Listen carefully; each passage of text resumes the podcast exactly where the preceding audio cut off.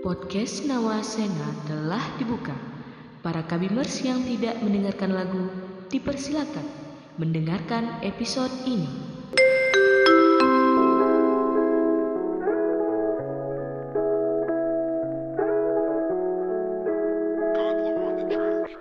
Halo Kabimer, selamat datang di Cerita Kabim. Yeay, akhirnya setelah sekian purnama yang ditunggu-tunggu kembali juga nih. Podcast Kabim hadir untuk menemani para Kabimer serta memberikan informasi seputar bidik misi, kipka, dan juga afirmasi bersama para narasumber yang pastinya keren banget. Mulai dari pengurus, alumni, dan masih banyak lagi.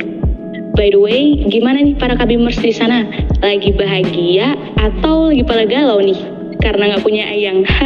Canda ayang. Oh ya, kalau kayaknya kurang afdol ya. Uh, kalau kabimers belum kenal sama aku, kan katanya tak kenal maka tak sayang. Nah, ada yang tahu nggak ya kira-kira aku siapa? Ah, masa nggak tahu sih? Hmm, oke okay, oke. Okay. Kenalin, aku Deti Trijanuarti sebagai podcaster yang akan menemani kabimers semua selama beberapa menit ke depan. Kali ini aku nggak sendirian loh Kabimers. Ada Kang Aldian dan juga Kang Andre selaku Ketua dan Wakil Ketua Kabim Unpad 2022 yang akan sharing-sharing seputar Kabim dan Nawasena dalam sesi Obras, obrolan santai. Nah sebelumnya aku pengen tahu dulu nih uh, kabar dan kesibukan dari akang-akang narasumber. Sebelumnya mana nih? Aku pengen denger dulu deh suaranya dari Kang Al dan juga Kang Andre. Halo Kang Al, halo Kang Andre. Halo, Diti. Oke, kayaknya akang-akang ini udah nggak sabar banget ya pengen ngejelasin nih apa aja yang ada di Kabim dan juga Nawasena. Sebelumnya, uh, mungkin aku pengen nanya Kang Al dulu kali ya. Kang Al ini sekarang itu lagi gimana nih perasaannya? Lagi senengkah atau lagi sibuk ngapain? Oke, makasih banget nih Deti ya untuk pertanyaannya gitu.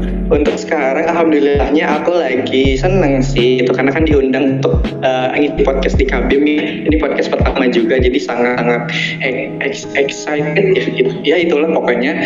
Terus untuk kesibukan aku saat ini, uh, paling aku karena udah semester akhir juga ya, paling fokus di akademik aja, sama udah mulai cari tempat magang nih karena di jurusan aku tuh uh, udah mulai disuruh dan juga diwajib diwajibin ikutan magang itu aja sih sama ya karena sebagai ya amanahnya sebagai ketua kabim tahun ini pastinya aku uh, mulai fokus juga untuk uh, di kabim dan juga mengembangkan kabim supaya lebih berkembang lagi ke depannya mungkin itu aja sih Oke, okay, uh, semoga nih ya apa yang Kang Al harapin nih tentang Kabim khususnya itu bisa kita capai bareng-bareng di tahun ini ya. Uh, mungkin sekarang boleh nih giliran Kang Andre. Sok mangga Kang Andre, dipersilakan. Oke, halo Deti dan Kabimer semua. Uh, kenalin aku Andre Andriono dan juga uh, apa salam kenal semuanya. Uh, kabar aku baik sih, dan alhamdulillah. Gitu. Semoga Kabimers juga yang lagi dengerin podcast ini uh, ini juga ya sehat-sehat juga uh, tetap apa tetap sehat tetap jaga protokol kesehatan di era omikron ini ya gitu. Kalau datingnya kesibukan aku mungkin kurang lebih sama kayak Aldian sih ya biasalah tingkat akhir gitu kayak mulai nyari apa aku lagi nyari bahan buat tugas akhir aku kayak penelitian bakal gimana terus gimana nyusun data-data kayak gitu aja sih. Dan juga kalau buat organisasi memang lagi ini ya cukup apa namanya uh, dari kabin dulu aja biar kita juga fokus di kabin gitu ya. Jadi kalau untuk organisasi kurang megang banyak sih cukup di kabin aja. Dan juga mungkin lebih fokusnya di akademiknya benar kata Alian tadi.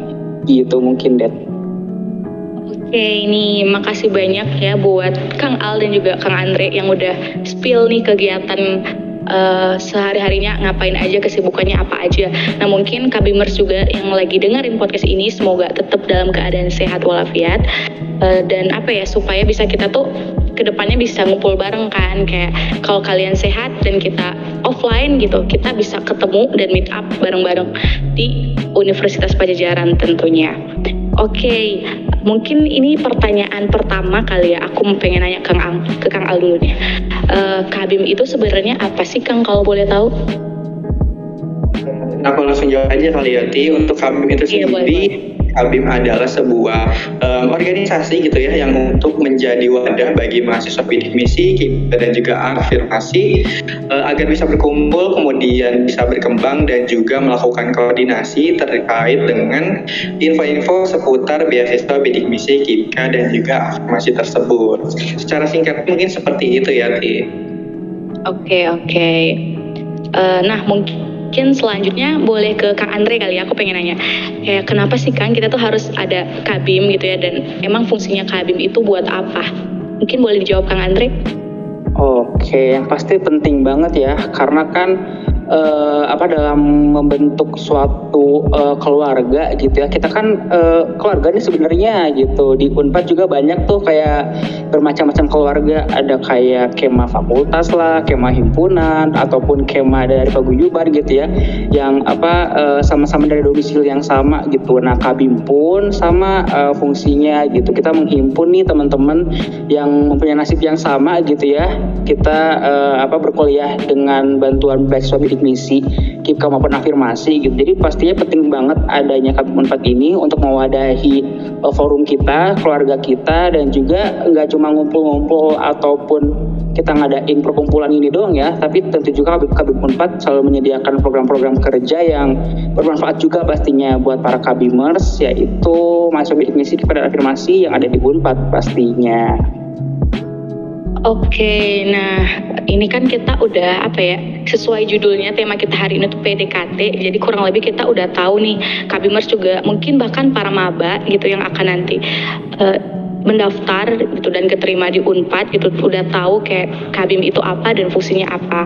Mungkin uh, ke Kang Andre lagi ya, aku pengen nanya nih uh, perjalanannya Kabim Unpad dari masa ke masa tuh kayak gimana sih Kang? Boleh dong diceritain?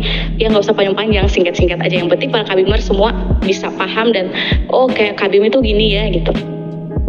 Wah, oke. Okay. Jadi Kabim Unpad itu awalnya namanya bukan Kabim Unpad gitu. Awalnya oh. tuh cuma Madiksi gitu, himpunan mahasiswa bidik misi Unpad gitu kan ya.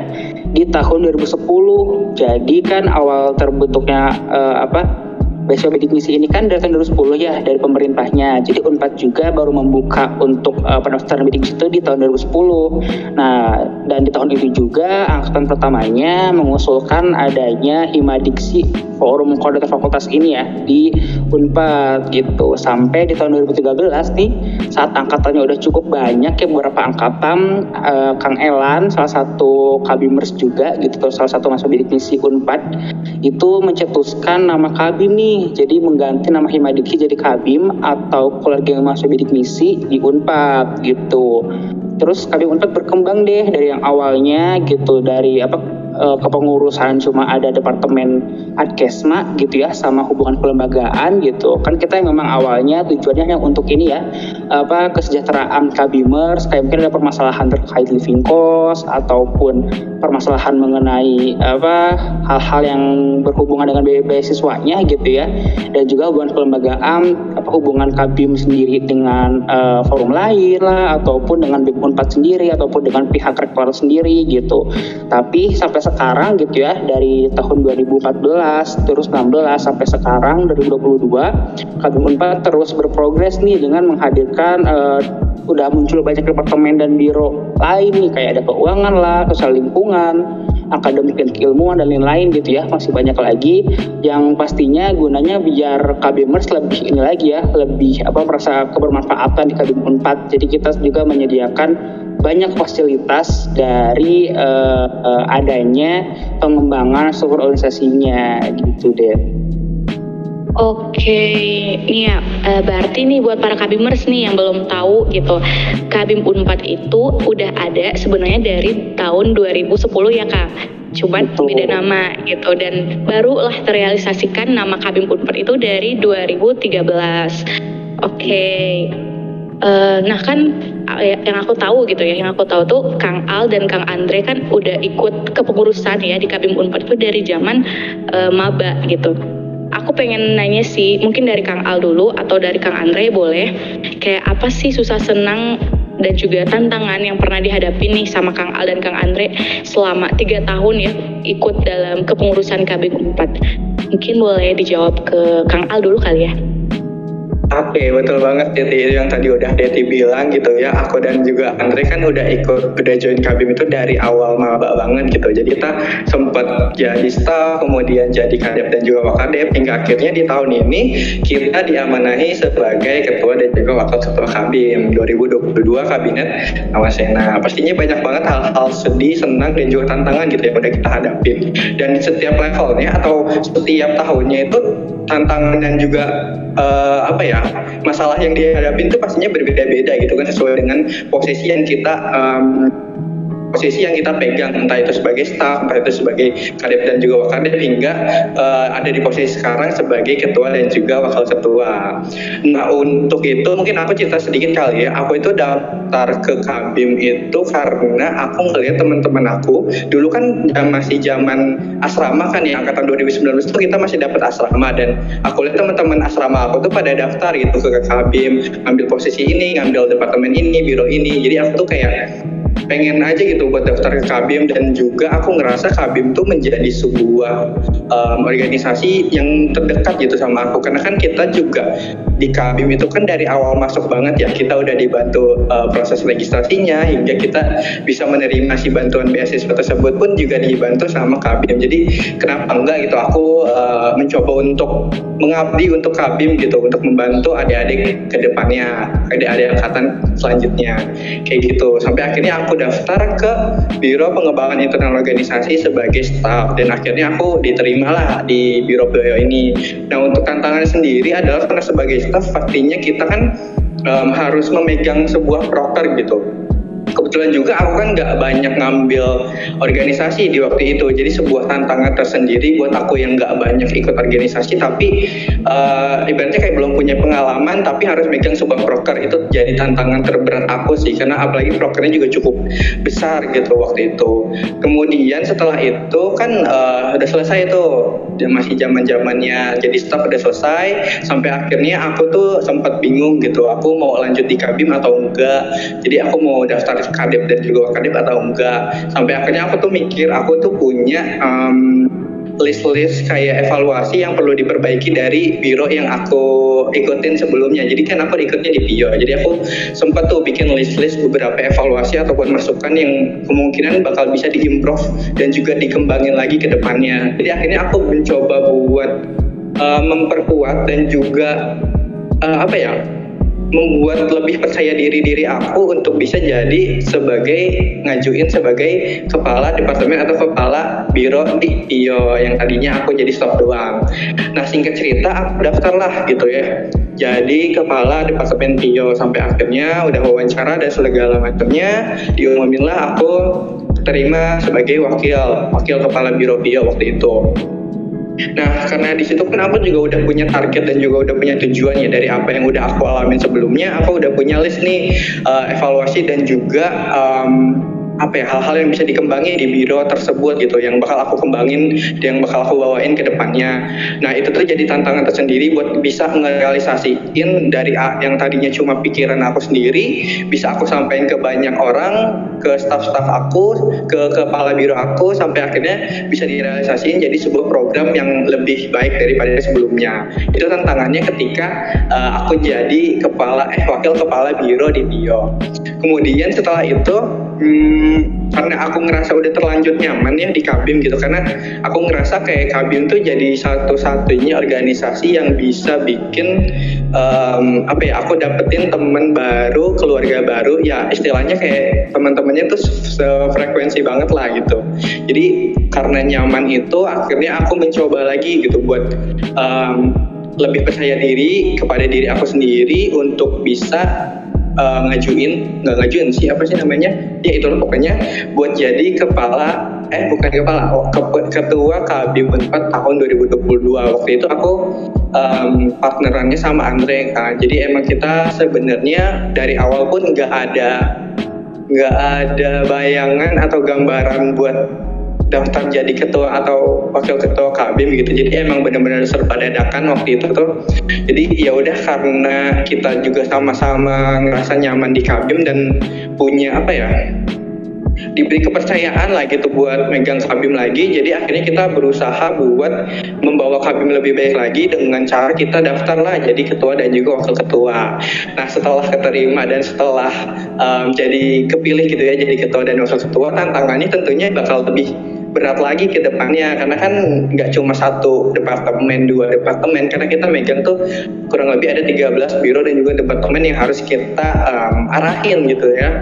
Jadi emang banyak banget tantangan-tantangannya yang pastinya uh, di sini aku kan nggak merasa sendiri itu karena bakal dibantu juga nih sama teman-teman pimpinan kabinet kemudian teman-teman pengurus juga pastinya aku sangat membutuhkan bantuan banget dan sangat apa ya kita bakal kerja sama bareng lah ke depannya. Jadinya uh, setiap tantangan dan juga permasalahan yang ada kita uh, itu tadi selesai dengan cara kekeluargaan dan juga nggak ngebebanin ke satu orang supaya nggak ya nggak berasa berat gitu. Apalagi tantangannya bakalan berat dan juga banyak gitu ke depannya.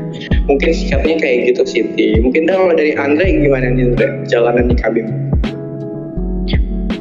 boleh nih dari Kang Andre sekarang. Kan tadi udah kita udah ngedengerin ya perjalanan dari Kang Al nih. Sekarang aku pengen tahu, mungkin para kabimers juga pengen tahu gimana sih kayak perjalanannya uh, susah senang atau tantangan dari Kang Andre sendiri.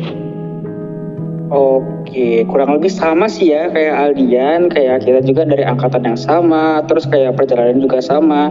Dari awalnya yang jadi staff, terus lanjut ke kadep, lanjut ke sekarang ke apa ketua dan wakil gitu ya uh, mungkin kalau alasan aku sendiri juga uh, kenapa ikut Akademi Unpad gitu. Jadi awalnya memang pas maba gitu ya, semester 2 gitu. Aku tuh kayak masih belum punya kegiatan organisasi gitu ya yang aku ikutin. Jadi uh, aku pikir aku pilih Akademi Unpad nih. Kayaknya bisa jadi tempat yang cocok buat aku apa belajar organisasi dan juga ngajalin sosialisasi ya sama orang lain gitu. Nah, kenapa Akademi Unpad? Karena aku mikirnya uh, kita udah punya background yang sama gitu ya kayak kita sama-sama dari uh, apa pemegang uh, beasiswa bidik misi uh, bidik misi ya. Karena kan kemarin belum eh, pas kita join di staff gitu belum ada kipka kan ya. Jadi sama-sama dari uh, anak-anak bidik misi. Jadi uh, pasti kulturnya nggak bakal jauh berbeda gitu. Dan alhamdulillah bener ternyata setelah aku jadi staff dan aku ngerasain sendiri gitu. By the way aku masuk di departemen adkesma APM sih. Dulu ya namanya sekarang adkesma. Di APM tuh aku jadi staff dan juga uh, menjabat jadi kepala departemen di tahun sebelumnya. Nah, kayak gitu deh biasa apa tantangannya kayak gimana apa ya? Kayak banyak banget problem kayak biasanya di uh, bidik misi di Unpad itu kayak misalkan pas KRS telat lah pembayaran KRS-nya ya dari apa dari pusat gitu. Jadi kita uh, gak bisa cetak KRS, KRS karena kita dihitungnya belum bayar UKT gitu ya. Padahal kan UKT kita ditanggung pemerintah ya. Tapi kadang suka telat pemerintah bayarnya. Jadi telat juga ke kitanya buat nerima hak KRS itu. Terus biasanya pencairan rada lama itu kenapa?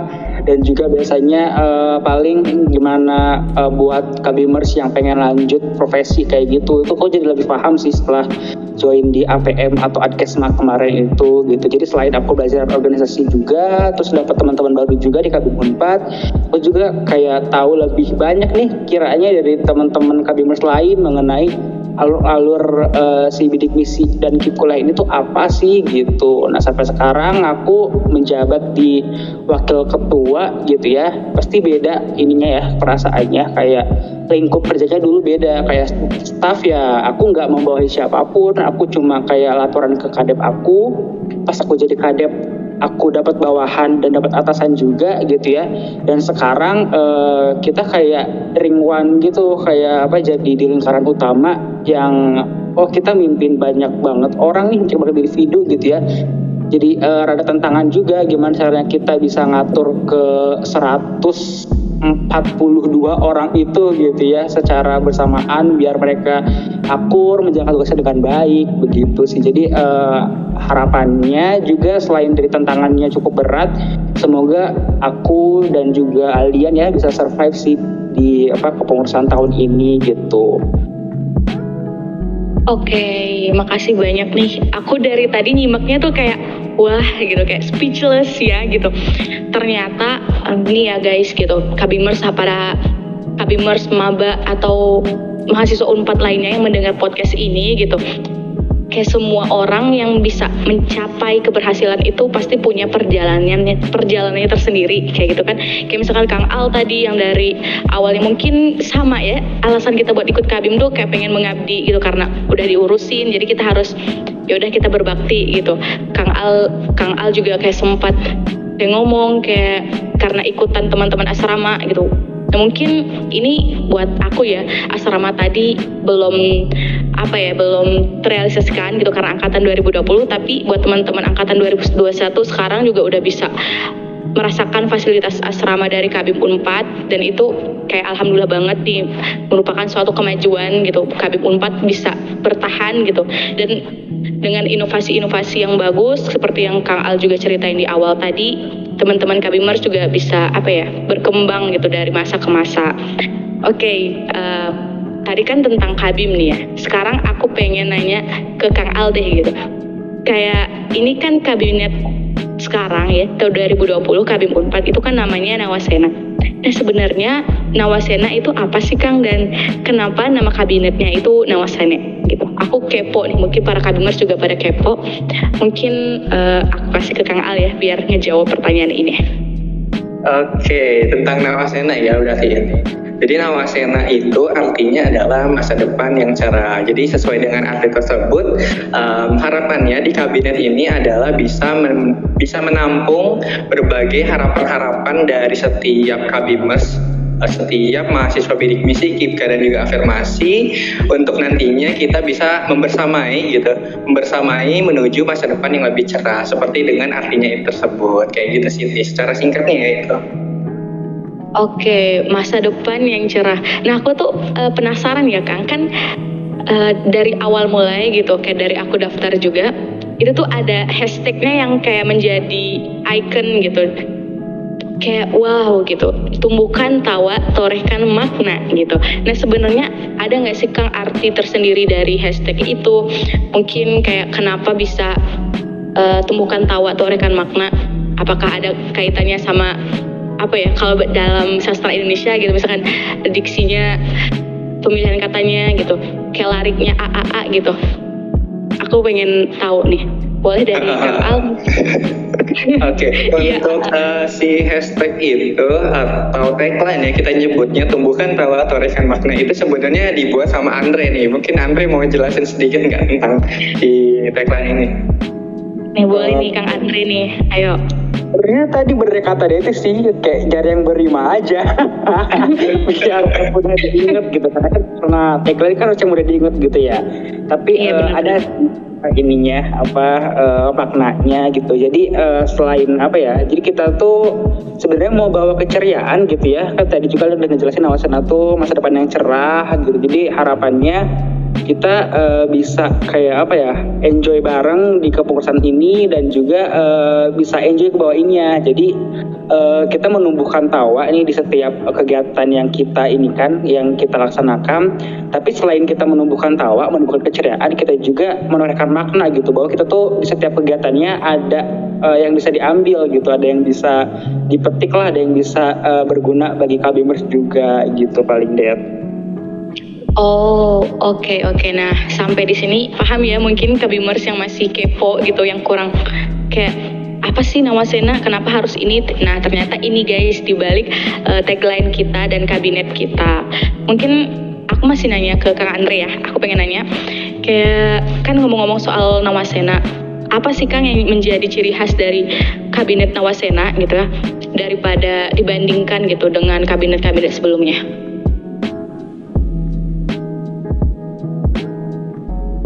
Oke, siapa nih mau jawab? Aku atau Aldian? Mungkin boleh dari Kang Andre. Oke, kalau mungkin uh, mengenai apa tadi ciri khas ya dari kabinet yang sekarang, keputusan sekarang, pasti tadi ya setelah dari tagline juga kelihatan kita ingin lebih apa ya? Lebih colorful, lebih ceria pembawaan dari Kabim 4 ini gitu. Jadi kita pengen lebih merangkul sih ke Kabimers. Bukan maksud kemarin mungkin uh, kurang ya, tapi kita ingin lebih apa ya kayak meneruskan aja sih dan juga uh, harapannya lebih terbuka gitu di tahun sekarang. Jadi uh, apa ciri khasnya mungkin kita setiap kelompoknya beda budaya, beda tagline, beda nilai-nilai juga ya. Nah mungkin uh, dari ciri khas yang sekarang itu kayak lebih rasa kekeluargaan dan menyampaikan sih Det. Jadi kita uh, harapannya uh, apa yang menjadi keresahan buat kabimers gitu sampaikan aja dan juga nanti kita diskusikan bareng-bareng gitu ya. Uh, jadi Kabim Unpad ini bukan buat pengurus aja tapi buat kabimers gitu. Kita uh, melaksanakan program kerja buat pengurus. Keberadaan Kabim Unpad ini uh, apa uh, namanya buat kabimers juga ke semuanya gitu. Jadi harapannya kabimers juga ikut merasakan apa meskipun tidak terlibat ke pengurusan tapi kabimers itu ikut merasakan ada kabim unpad gitu. Jadi uh, kita lebih ke rasa kekeluargaan dan apa menyampaikan yang ada di benak keluhan aja sih biar semuanya clear semuanya ngerasa aman dan nyaman gitu berada di keluarga kabim unpad gitu. Hmm, oke okay, oke, okay. aku setuju sih sama jawaban dari Kang Andre ya kayak kekeluargaan kita kan udah ada jadi kita harus sebagai generasi gitu kita harus melestarikan kembali dan merangkul uh, semua yang ada gitu aset-aset kita kayak dari Kabimers bukan cuma pengurus gitu keluarga Kabim semuanya bisa merasakan hal yang sama oke okay. Nah, uh, selanjutnya mungkin aku pengen nanya ke Kang Al lagi nih. Balik lagi ke Kang Al uh, proker unggulan dari Kabim Nawasena itu apa aja sih Kang? Mungkin bisa ditambahin juga nanti sama Kang Andre ya. Aku pengen tahu gitu yang lebihnya mungkin Kab Kabimers ya.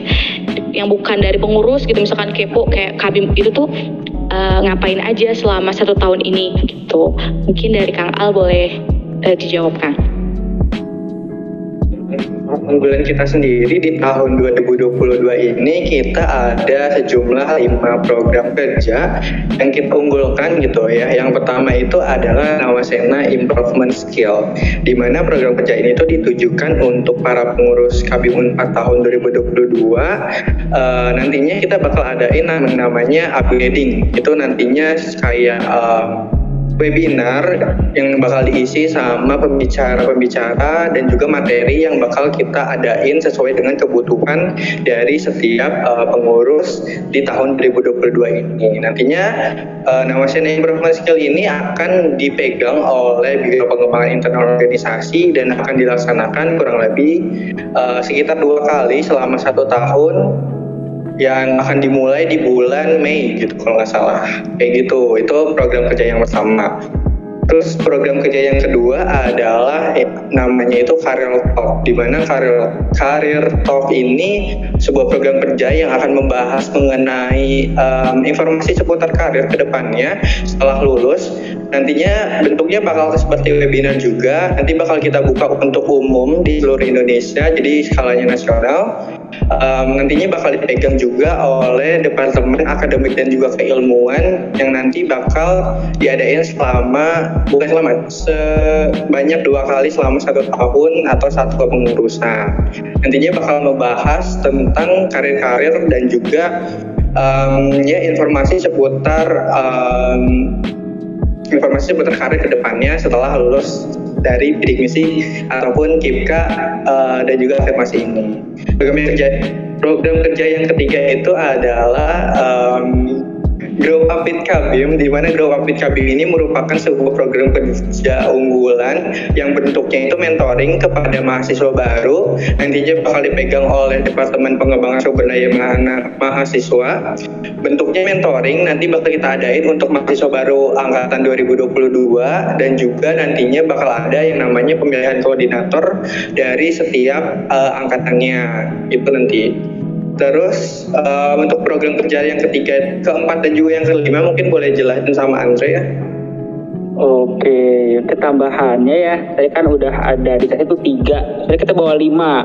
Nah duanya lagi tuh uh, ada intuition box ini dari teman-teman departemen Hubin uh, yang menjalankan dan apa ya kayak meng, mempertanggungjawabkannya. Jadi intuition box ini tadi ya yang seperti aku bilang kita ada rasa kekeluargaan dan juga menyampaikan benak keluhan nah di intuition box ini. Jadi nanti teman-teman dari Hubin berkolaborasi dengan teman-teman dari R&D dan juga nanti Adkesma gitu ya. Kita mensurvei dulu apa-apa dari keluhan Kabimers gitu ya. Nanti kita adakan forum forumnya itu di setiap akhir termin jadi uh, insya Allah akan dilaksanakan dua kali ya. Jadi nanti tunggu di akhir termin ini sekitar bulan Juni kali ya. Nah nanti uh, teman-teman Kabimers kita akan mensurvey ini kira-kira ada kendala apa sih bebas mau itu terkait KIPKA yang kayak gimana lah di Unpad atau mungkin bidik misinya ada kendala atau mungkin kepengurusan kita sendiri gitu. Barangkali teman-teman Kabimers ada yang merasa kurang serg dari kepengurusan tahun ini gitu ya kayak kurang apa gitu bisa banget dicurahkan nanti di Intuition Box Ya, yang terakhir itu uh, ada Kabim Expo. Expo itu uh, apa dicanangkan dari teman-teman sosial dan lingkungan gitu ya. Jadi dari teman-teman sosial ini targetnya kepada uh, para calon-calon kabimers gitu ya, kepada teman-teman yang sekarang masih SMA, MA maupun sederajat gitu ya, biar lebih tahu nih mengenai beasiswa kuliah merdeka khususnya nih. Jadi biar teman-teman uh, apa SMA ini teman-teman calon halo calon pejuang PTN ini ya kayak paham nih oh ternyata kuliah tuh nggak mahal loh kuliah tuh malah gak ngeluarin gak ngeluarin biaya kita udah dibiayain si UKT-nya dan juga kita mendapat uang bulanan gitu ya uang semesteran uang saku gitu bahwa kuliah tuh gak semahal dan se apa ya gak se eksekutif itu gitu. Kita tetap bisa apa ya tetap bisa uh, berkuliah kok gitu. Asalkan teman-teman uh, mau apa ya mau belajar buat apa ikutan tesnya dan sebagainya gitu. Dan intinya sosialisasi mengenai kuliah sih. Dan juga nanti pasti uh, apa selain pengenalan dari kabin juga khususnya itu gitu. Kita mengenalin tentang kip kuliah itu sendiri biar teman-teman uh, calon kabimers gitu anak-anak SMA sederajat bisa uh, nambah motivasinya buat berkuliah gitu deh itu mungkin kalau buat proker unggulan. Tapi masih banyak lagi ya proker kita selain itu gitu. Itu mungkin lima proker aja yang sebutin tuh kayak yang emang biggest hits gitu yang pengen uh, diadain banget gitu di tahun ini. Oke okay, nah Kabimers udah pada udah pada dengar kan jawaban-jawaban dari Kang Al dan juga Kang Andre terkait proker unggulan dari Kabinet Nawasena ini. Aku setuju banget sih karena kita kan sekarang punya 13 biro dan departemen yang pastinya prokernya itu banyak banget dan banyak apa ya inovasinya bakalan berkembang juga gitu dan buat para para adik-adik kita kali ya, adik-adik kita calon mahasiswa yang pengen daftar di Unpad, barangkali ada yang mendengar podcast kita pada hari ini gitu, bisa termotivasi biar kuliah itu ada beasiswa, terus ada KIPKA, seperti itu. Mungkin ini pertanyaan terakhir sih seputar nawasenanya gitu. Uh, dari Kang Al dan Kang Andre juga nih selaku PIMKAB gitu ya, pimpinan kabinet Nawasena, apa sih harapan dan juga cita-cita baik dari uh, pribadi gitu ya ataupun mau dari nawasenanya gitu. Mungkin sekarang dijawab dulu sama Kang Al deh. Oke, kalau misalnya kita ngomongin soal harapan gitu ya untuk kabinet di Nawasena ini, um, seperti seperti sesuai dengan arti dari Nawasena, Nawasena itu berarti masa depan yang lebih cerah. Itu juga merupakan sebuah harapan dari kita untuk Kabim ke depannya supaya bisa membawakan Kabim dengan menuju masa depan yang lebih cerah. Nah, selain itu juga di sini juga kita kan punya visi misi dan juga kita punya budaya dan juga nilai-nilai yang bakal kita junjung selama di kepengurusan tahun ini.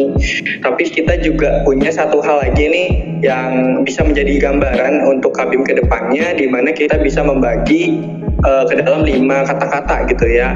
Yang pertama adalah perbaikan, di mana kita menuntut uh, menginginkan adanya perbaikan di Kabim tahun 2022 ini dari evaluasi-evaluasi yang ada di Kabim sebelumnya.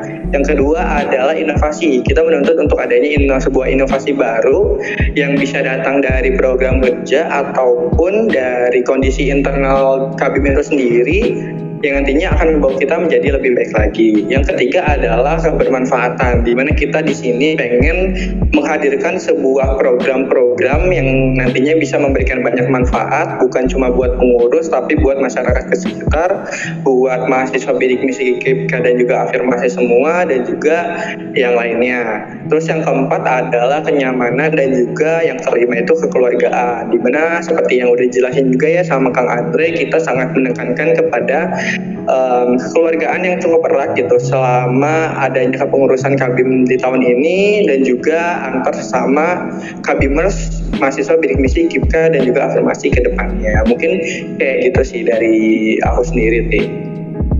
Oke, mungkin selanjutnya nih boleh harap harapan dan juga cita-cita dari Kang Andre sendiri gimana Kang? Oke, aduh udah diembat semua ya sama Aldian tadi. Paling uh, aku uh, negesin aja sih, kayak benar tadi kita kan asli kekeluargaan dan juga harapannya ya gak muluk-muluk sih harapannya semoga apa kabinet Nawasena ini di keputusan sekarang kabinet Unpad bisa bermanfaat gitu ya. Uh, seenggaknya uh, bisa bermanfaat uh, seenggaknya tidak inilah apa uh, meskipun tidak lebih baik dari perusahaan sebelumnya, semoga bisa apa ya tetap tetap uh, menjalankan tugasnya dengan baik gitu. sih harapannya semoga kepengurusan sekarang lancar dan juga Kabimers merasa terbantu dengan adanya Kabim Unpad Kabinet Nawasena ini gitu. Dan juga aku sih harapannya semoga teman-teman Kabimers juga bisa ikut ini ya ikut berpartisipasi meramaikan dan juga apa ya setiap ada kegiatan dari Kabim Unpad biar kita juga uh, apa ya kerasa bener nih oh kita kekeluargaan dan juga kita bisa ikut apa ya meramaikan. Karena kan uh, semua program kerja yang Kabim Unpad buat gitu ya kalau sekarang buat juga kan pastinya buat Kabim Unpad juga buat Kabimers juga gitu. Jadi harapannya semoga Kabimers juga bisa berpartisipasi lebih gitu. Bisa punya apa ya rasa uh, apa saling keterkaitan gitu. Saling memiliki di antara kita biar kita juga bisa saling membantu di kepengurusan sekarang gitu kan Oke, semoga ya kita udah dengar nih harapan dan juga cita-cita baik dari Kang Al, Kang Andre maupun Nawasenanya gitu. Semoga apa yang kita cita-citakan bersama ini dapat terrealisasikan dengan baik gitu. Oh ya, tadi kan sempat ya di spill sama Kang Andre nih kayak harapannya biar Kabimers tuh ikut apa ya meneruskan lah istilahnya. Aku pengen nanya ke Kang Andre dulu nih.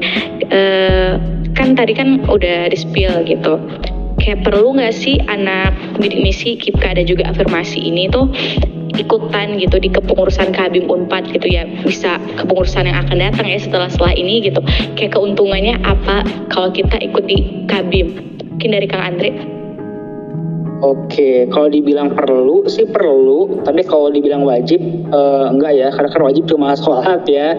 tapi iya. harapannya kenapa perlu join? Karena ini suatu kesempatan yang bagus banget sih kata aku gitu kalau menurut aku, karena kita udah punya apa ya, udah punya kayak kalau mau belajar organisasi dia pada jauh-jauh pengen ke apa ya ke BEM Unpad atau mungkin ke mana gitu atau mungkin ke luar Unpad juga ya. Kenapa nggak cari yang deket nih? Kita udah punya keluarga sendiri kita sama-sama anak bidik misi KIPKA afirmasi kenapa cari jauh-jauh keluarga? Kita udah punya keluarga sendiri gitu kan. Ya pasti uh, pilih di Kabim Unpad karena gitu kan uh, kalau memang pengen cari organisasi gitu pengen belajar organisasi di sini ada pengen apa ya ingin lebih bersosialisasi juga ada gitu. Jadi menurut aku uh, seberapa penting uh, penting banget sih kalau menurut aku. Dan aku gak nyesel juga udah join selama tiga tahun ini gitu. Jadi harapannya buat teman-teman yang belum join ke pengurusan harapannya mungkin di tahun depan bisa nyoba nih atau mungkin teman-teman uh, maba sekarang atau mungkin nanti ya yang calon-calon gitu ya. Harapannya yuk gabung aja karena menurut aku sih ini bermanfaat banget ya gitu gak biar kita apa ya gak perlu cari organisasi jauh-jauh toh di sini juga udah menyediakan nih kak unpad gitu Oke, mungkin dari Kang Al ada tambahan nggak Kang atas jauh pertanyaan yang aku tanyain ini gitu? Oke, iya betul banget sih kata Andre udah diwakilin juga ya dan untuk mungkin aku mau nambahin sedikit ya sebagai testimoni yang real gitu. Aku tuh ngerasa selama aku ikut berbagai organisasi dan juga kepanitiaan, aku tuh cuma ngerasa nyaman dan apa ya betah tuh cuma di kabim doang gitu. Karena kan apa ya di sini aku bisa dapat banyak hal nggak cuma uh, organisasi dan ngejalanin program kerja aja tapi punya banyak teman baru keluarga baru bahkan yang kayaknya aku lebih dekat sama teman-teman di Kabim daripada teman-teman di jurusan aku sendiri gitu. Ya itu sih jadi sebuah kelebihan sih. Kenapa harus gabung di Kabim karena kayaknya karena kita punya satu kesamaan gitu sama-sama penerima beasiswa jadinya kayak lebih nyaman dan lebih sefrekuensi aja gitu lebih nyatu lah istilahnya. Jadi kenapa enggak? Toh juga kita kan dari awal udah dibantu banget ya sama Kalbim dari awal mulai registrasi buat dapetin beasiswanya sampai akhirnya kita keterima dan juga ngejalaninnya juga kita bakal banyak dibantu juga nih sama Kalbim jadi kenapa enggak kita uh, mengabdikan diri untuk seenggaknya bisa membantu sedikit uh, teman-teman yang lain, teman-teman mahasiswa baru yang nantinya bakal hadir juga, ya bisa bermanfaat lah buat orang lain, seenggaknya kayak gitu sih tuh para kabimers kayak yang masih bingung nih ya masih bimbang atau calon-calon mahasiswa baru nanti gitu. Kayak pengen ikutan organisasi apa boleh banget dicoba ya daftar di Kabim Unpad. Karena ini udah testimoni langsung nih dari orang-orang yang udah berpengalaman selama tiga tahun kepengurusan. Mungkin terakhir ya ini pertanyaan terakhir sih kayak sebenarnya aku pengen banget nanya gitu. Tapi karena ya berhubung kesempatan kita sangat sedikit ya. Kita akan bicarakan lagi soal Kabi maupun Nawasena mungkin di luar podcast ini. Uh, terakhir ini tuh ada nggak sih tips gitu dari Kang Al dan juga Kang Andre buat para para maba nih atau Kabimer supaya bisa kayak apa ya survive di dunia perkuliahan dan bisa menjadi orang yang produktif barangkali ada yang pengen nyalonin juga kan ke depannya kayak pengen jadi kayak Kang Al dan juga Kang Andre nih pengen jadi Pimkap gitu. Mungkin sekarang boleh dari Kang Al. Oke, okay, berarti ini tuh tips dan juga eh, hal-hal uh, yang bisa bikin kita produktif selama masa perkuliahan gitu kali ya, Ti. Nah, kalau misalkan dari aku sendiri ya, um, sebenarnya kita tuh harus punya target gitu loh. Setiap semesternya mau ngapain, mau ada apa aja, mau uh, ikutan apa aja gitu. Kalau misalkan dari aku semester 1 sampai semester 2 itu aku nargetin biar bisa ikutan atau coba-coba organisasi dan juga kepanitiaan gitu. Jadi di, dari semester 1 itu aku udah mulai cari nih aku mau ikutan organisasi apa, mau ikutan um, kepanitiaan apa, seenggaknya aku coba cobain dulu daftar walaupun emang kadang tuh nggak keterima ataupun ada yang hal-hal yang lainnya tapi seenggaknya ada kemauan untuk mencoba biar lebih produktif dan juga menambah pengalaman kita juga. Nah setelah itu um, di semester 3 dan juga semester 4 aku mulai ngembangin skill-skill yang aku punya jadi kan kita udah coba-coba nih semester 1 sama semester 2 di semester 3 sama semester 4 tinggal dikembangin aja kayaknya lebih cocok yang ke mana lebih nyaman di organisasi yang gimana sih lebih enakan ikut kepanitiaan yang kayak gimana gitu. Nah itu tuh bisa dikembangin di semester 3 dan juga semester 4. Nah untuk di semester 5 dan semester 6 aku itu baru mulai fokus ke eh, nambah-nambah uh, pengetahuan dan juga pengalaman di luar uh, universitas gitu. Aku coba buat ikutan internship atau magang gitu di semester 5 kemarin dan juga semester 6 ini juga aku coba buat nambah pengalaman lewat internship di luar universitas langsung kayak gitu. Jadi apa ya setiap semester tuh harus punya gambaran dan juga target tersendiri. Jadi nggak cuma ngandelin dari akademik yang bagus tapi juga kita harus punya skill dan juga pengalaman yang bagus juga supaya kita bisa survive ke depannya selama di perkuliahan ataupun selama kita uh, mencoba memasuki dunia karir seperti itu sih kurang lebih ti. Oke, ini mungkin sekarang boleh dari Kang Andre kali ya. Ini jawaban terakhir nih untuk menutup pertanyaan-pertanyaan dari podcast kita hari ini. Boleh Kang Andre? Uh, betul banget tadi yang kata Aldian ya. Aku nambahinnya uh, bagaimana cara buat survive gitu dan juga lebih produktif. Uh, tadi bener banget ya kalau kuliah tuh kita apa ya sebenarnya kuliah tuh jadi peluang kita buat lebih ini loh lebih memanfaatkan titel mahasiswa kita gitu.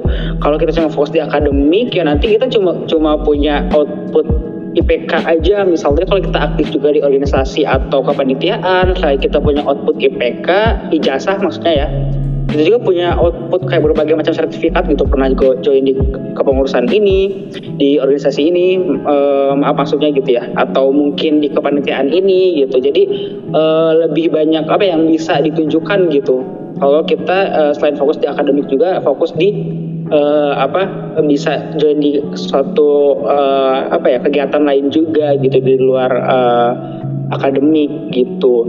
Kalau menurut aku mungkin tipsnya lagi ya bagi teman-teman yang sekiranya ingin mencari apa ya kayak tadi selingan gitu di luar akademik dan juga biar tidak merepotkan gitu gak ngerepotin banget. Kalau saran dari aku sih mending uh, kalau organisasi coba ambil satu aja gitu. Mungkin satu tiap tahun satu gitu karena uh, misal nih kalau menurut aku ya mungkin teman-teman lain uh, ada beda pendapat atau gimana uh, kalau menurut aku organisasi itu sebenarnya sama aja teman-teman. Mau ikut uh, misalkan di Hima, di BEM Unpad atau mungkin di BEM Fakultas, di Kabim atau mungkin Paguyuba itu sama aja kayak organisasinya sama aja gitu. Kalau teman-teman ingin uh, mencari apa pengalaman organisasi menurut aku bisa pilih salah satunya aja gitu. Toh sama aja gitu kegiatannya apa yang bakal didapat gitu. Cuma beda di, di lingkungan aja gitu. Karena kalau di hima ya teman-teman akan ketemu sama yang sejurusan di fakultas ya di fakultas di unpad ya seunpadnya di kabim ya se bidik misi keafirmasi di paguyuban ya saya domisili teman-teman gitu. Jadi kalau menurut aku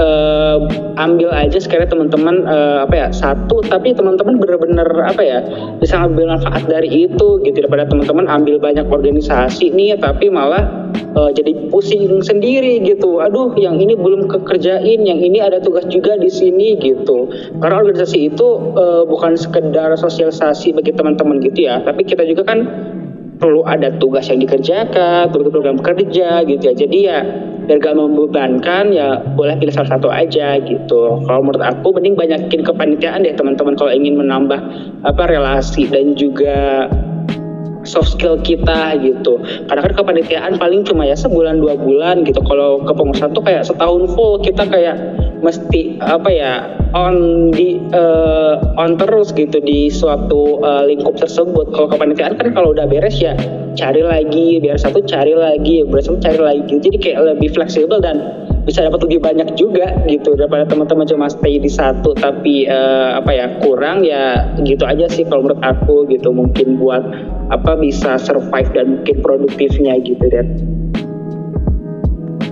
Oke, nih makasih banyak ya buat Kang Andre dan juga Kang Al yang udah mau bagi-bagi tips gitu. Gimana sih biar bisa survive di dunia perkuliahan dan juga produktif uh, kayaknya aduh ini tuh aku hal yang paling aku nggak suka ya karena pasti ada yang namanya perpisahan gitu kayak udah bicara ngobrol-ngobrol lama gitu sama Kang Al dan juga Kang Andre tapi berhubung waktu yang memisahkan gitu jadi kita harus selesai sampai di sini untuk pertanyaan-pertanyaannya. Mungkin para kabimers yang masih kepo, pengen tahu tentang nama Sena atau tentang Kabim Unpad itu sendiri, boleh nih PC-PC aja kali ya ke Kang Al atau Kang Andre gitu di Instagramnya gitu atau di WA gitu. Boleh banget. Terus aku pengen ngucapin juga makasih banyak ya buat Kang Al dan juga Kang Andre yang udah meluangkan waktunya nih buat menemani para kabimers di episode kita kali ini. Uh, mungkin ada apa ya? Kata-kata gitu, ungkapan gak sih dari Kang Andre dan juga Kang Al? Kayak misalkan buat kabimers gitu ya dengan adanya podcast ini misalkan Kabimers bisa mendapatkan pencerahan ya karena dengan jawaban-jawabannya atau istilahnya closing statement dari Kang Al dan juga Kang Andre. Boleh dari Kang Al? Closing statement paling sedikit aja kali ya dari aku. Ya, semoga informasi-informasi dan juga hal-hal yang udah kita sampaikan di sini bisa bermanfaat dan juga bisa bikin kalian lebih paham dan juga lebih mengerti tentang Kabim dan juga tentang perkuliahan selama kita berkuliah di Unpad ini. Dan untuk itu juga diharapkan buat teman-teman Kabimers juga untuk bisa uh, berpasti berpartisipasi serta secara aktif gitu ya untuk setiap program kerja yang dijalankan oleh Kabim yang nanti nantinya uh, diperuntukkan juga untuk teman-teman Kabimer semua. Mungkin itu aja sih dari aku. Dari Andre mungkin ada tambahan? Boleh nih dari Kang Andre nih, Kang Andre. Oke, okay, paling uh, first of all, thank you for inviting me ya, Deti dan juga teman-teman lain gitu. Uh, makasih udah ajak uh, join aku nih buat ngobrol sama Kabimers gitu di podcast ini gitu. Dan juga harapannya juga dengan dari podcast ini ya nantinya gak cuma satu kan nih, gak cuma ini doang, tapi bakal banyak lagi gitu. Tadi kita udah bahas mengenai Kabimnya ya, mungkin bagi teman-teman yang belum tahu Kabim itu apa dan juga mungkin tadi sedikit tips-tips ala-ala dari aku sama Aldian ya. Mungkin semoga bermanfaat juga. Jadi harapannya dengan ada punya podcast ini Kabimers bisa lebih apa ya lebih paham mengenai Kabim dan juga nanti bakal banyak juga ya Deti kayak informasinya gitu. Gak cuma tentang Kabim doang tapi bakal banyak uh, apa informasi lainnya. Makanya uh, terus pantengin aja Det atau mau request boleh nggak nih Det barangkali Kabimers pengen request isian podcast. Uh, buat request boleh sih. Nanti kita akan mungkin kita menggunakan ini ya platform story di Instagram nih oh, nanti okay. Kabimers bisa nanya-nanya gitu. Kayak misalkan sumber kita siapa Kabimers kalau kepo boleh ditanya di situ. Betul banget gitu sih. Jadi uh, harapannya semoga ini terus ya apa uh, Kabimers stay health dan juga semoga apa ya Kabimers lancar terus kuliahnya. Guys kita bisa survive di Unpad tercinta ini gitu mungkin dari kalau dari aku. Terima kasih semuanya Oke, okay. lagi-lagi aku pengen ngucapin makasih banyak Kang Al dan Kang Andre juga keren-keren banget gitu ya. Setidaknya para kabimers dan aku pun gitu udah makin deket gitu sama Kabim karena kita udah PDKT tentang Kabim Nawasena dan semacamnya gitu. Nah buat Kabimers semua nih jangan lupa ya tetap stay tune di Spotify-nya Kabim Unpad karena kita akan kembali di episode-episode berikutnya dengan cerita yang gak kalah menarik tentunya. Jangan lupa juga buat pantengin terus akun sosial media Kabim Unpad mulai dari Instagram, Twitter, Line, dan juga Facebook karena bakalan ada informasi-informasi terkait seputar Kabim Unpad baik itu misi, kipka, dan juga afirmasi akan ada di sana. Oke deh, uh, karena waktu juga udah menunjukkan apa ya tanda-tanda akhir gitu berakhir podcast ini. Aku Deti Trijanwarti pamit. Sampai ketemu di episode berikutnya. Dadah.